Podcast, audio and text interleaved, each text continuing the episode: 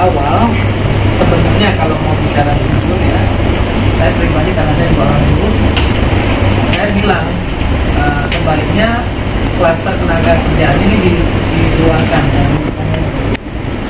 tapi memang waktu itu tim pemerintah menyatakan bahwa eh, uh, klaster ketenaga kerjaan ini justru tetap harus melekat di omnibus antara investasi dan eh, tenaga kerjanya itu melekat. Itu alasan dari pemerintah. Tapi saya juga sampaikan begini itu waktu pertama kali omnibus itu masuk ke parlemen ya. Saya masih di komisi 9 saya bilang seperti ini. Saya nggak mau kalau ada titipan-titipan dari pengusaha ya terkait masalah klaster ketenaga kerjaan jadi harus dibahas dengan kawan-kawan tenaga kerja. Jadi saya kira kalau komunikasinya bagus kawan-kawan serikat pekerja dilibatkan pastinya nggak jadi seperti ini. Dan saya kira mereka juga nggak akan menolak omnibus cluster ini masuk kalau itu sesuai dengan apa yang diketahui teman-teman.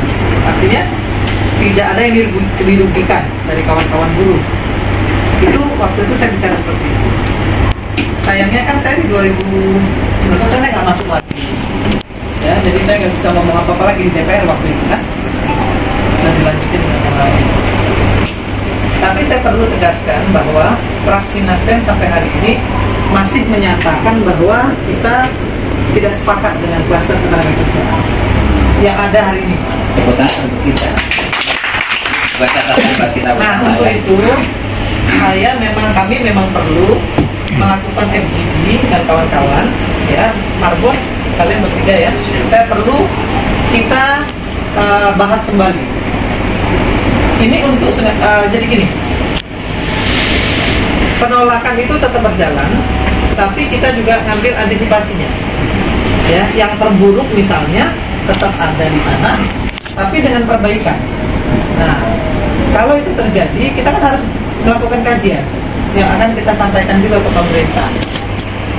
Seperti apa sih yang mereka anggap bahwa eh, keterlibatan tenaga kerja itu melekat dengan investasi yang akan masuk? Alasan pemerintah waktu itu men- menyampaikan begini kawan-kawan. Pemerintah bilang bahwa investasi itu melekat dengan ketenaga kerjaan. Ya kan karena investasi itu harus masuk maka kemudian klaster ketenaga kerjaan harus masuk. Kan begitu? Saya bilang begitu. Kalau kita definisinya bukan begitu. Definisi dari Nasdem itu klaster ketenaga kerjaan atau klaster ketenaga kerjaan boleh saja masuk tetapi keikutsertaan ya. Kawan-kawan buruh dalam melakukan kajian dan usulan itu harus terpenuhi jadi nggak boleh ada yang nggak boleh ada yang dirugikan. Prinsipnya dari pemerintah menyatakan kepada Komisi 9 waktu itu bahwa eh, jadi begini. Kan yang harus difikirkan itu bukan cuma buruh yang sudah bekerja. Rakyat Indonesia yang belum bekerja juga kan perlu dipikirkan. Maka kemudian harus membuka lapangan pekerjaan dan memasukkan investasi itu definisi pemerintah ya yang disampaikan kepada parlemen harus memasukkan investasi. Jadi nggak boleh hanya berpikir soal yang tenaga kerja yang sudah ada aja yang sudah bekerja saja. Tapi yang belum bekerja kan perlu diperhatikan juga. Harus ada lapangan pekerjaan tercipta dan investasi masuk. Jadi gini kami dari Partai Nasdem menyampaikan begini. Boleh saja gitu ya investasi dikaitkan dengan tenaga kerja oke. Pembukaan lapangan pekerjaan oke. Investasi apa lagi? Tapi kan nggak boleh merugikan pekerja juga. Ya pekerja kan nggak boleh dirugikan juga dengan dengan dengan adanya kluster tenaga kerjaan ini. Itu yang dulu kita sampaikan kepada pemerintah. Nah pasca kita mendapatkan apa namanya eh, bukan eh, MK menyatakan bahwa harus ada putusan MK ada yang harus ada yang diperbaiki. Baik ini. Nah, ini celah kita menurut saya. Nah, satu sisi teman-teman terus melakukan penolakan nggak apa-apa, tapi di sisi lain kita juga harus mempersiapkan itu. Ini untuk jalan buruknya ya. Kita mempersiapkan itu. Kalau saja apa yang kita mau ternyata disetujui pemerintah kenapa tidak? Kan gitu tapi kalau enggak ya kita terus melakukan penolakan. Ini apa namanya eh, keputusan nasdem seperti itu. Maka saya hari ini menyampaikan kepada teman-teman kalau berkenan kita bikin FGD ya untuk e, membahas melakukan telaah terhadap klaster tenaga kerjaan yang ada kaitannya dengan investasi. Nah, saya menunjuk Marbot, kakak kakak Noah Marbot, e, Surya, sama Adi bersama-sama teman-teman untuk melakukan kajian itu. Dan kajian itu bisa nanti diagendakan setiap hari Jumat di sini. Teman-teman tunjuk wakil-wakilnya saja nggak usah banyak-banyak nanti bikin pusing. Iya, iya. tunjuk dari semua perwakilan saja satu orang satu orang. Urusan konsumsi itu urusan saya.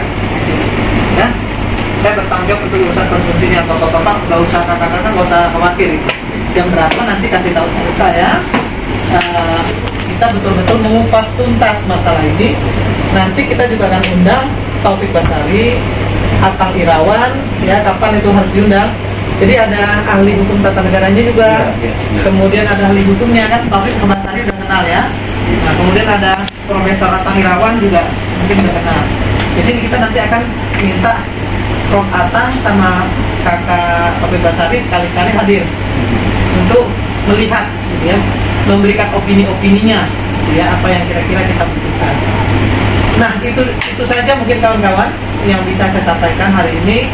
Tapi ah, insya Allah alhamdulillah saya Irma Suryani Caniago akan bersama teman-teman semua ya untuk memperjuangkan ini. Tapi saya juga ingin mengingatkan investasi memang harus masuk pak Ya, oh, gitu. Nah, Sepakat, ya, nggak makanya itu yang kita saya harus kita sama-sama supaya kita nggak dianggap bahwa kita ini mau melawan pemerintah gitu loh. Investasi harus masuk, lapangan pekerjaan harus tercipta, tapi tidak boleh merugikan.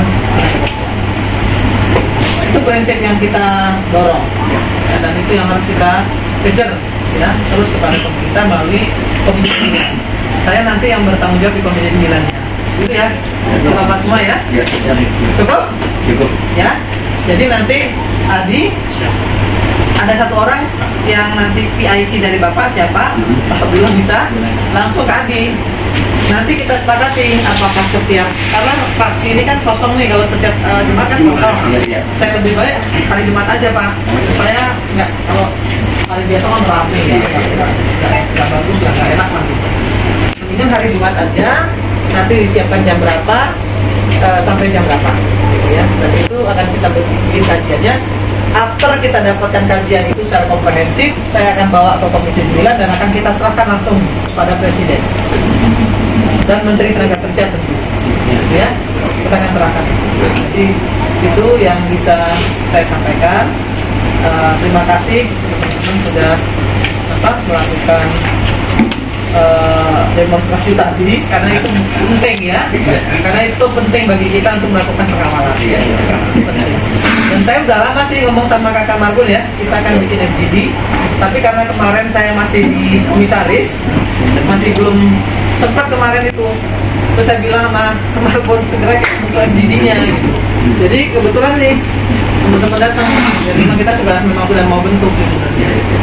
Alhamdulillah saya juga dapat rezeki dari Allah Subhanahu Wa Taala Tuhan yang Maha Kuasa tiba-tiba saya harus menggantikan uh, yang di atas saya karena meninggal dunia ya dengan COVID dan saya bisa masuk lagi Luar biasa. Terima kasih banyak. rezeki Allah Pak Ya, semuanya tidak lepas dari rezeki Tuhan Maha yang kuasa Tahu denyut nadinya dulu. Belum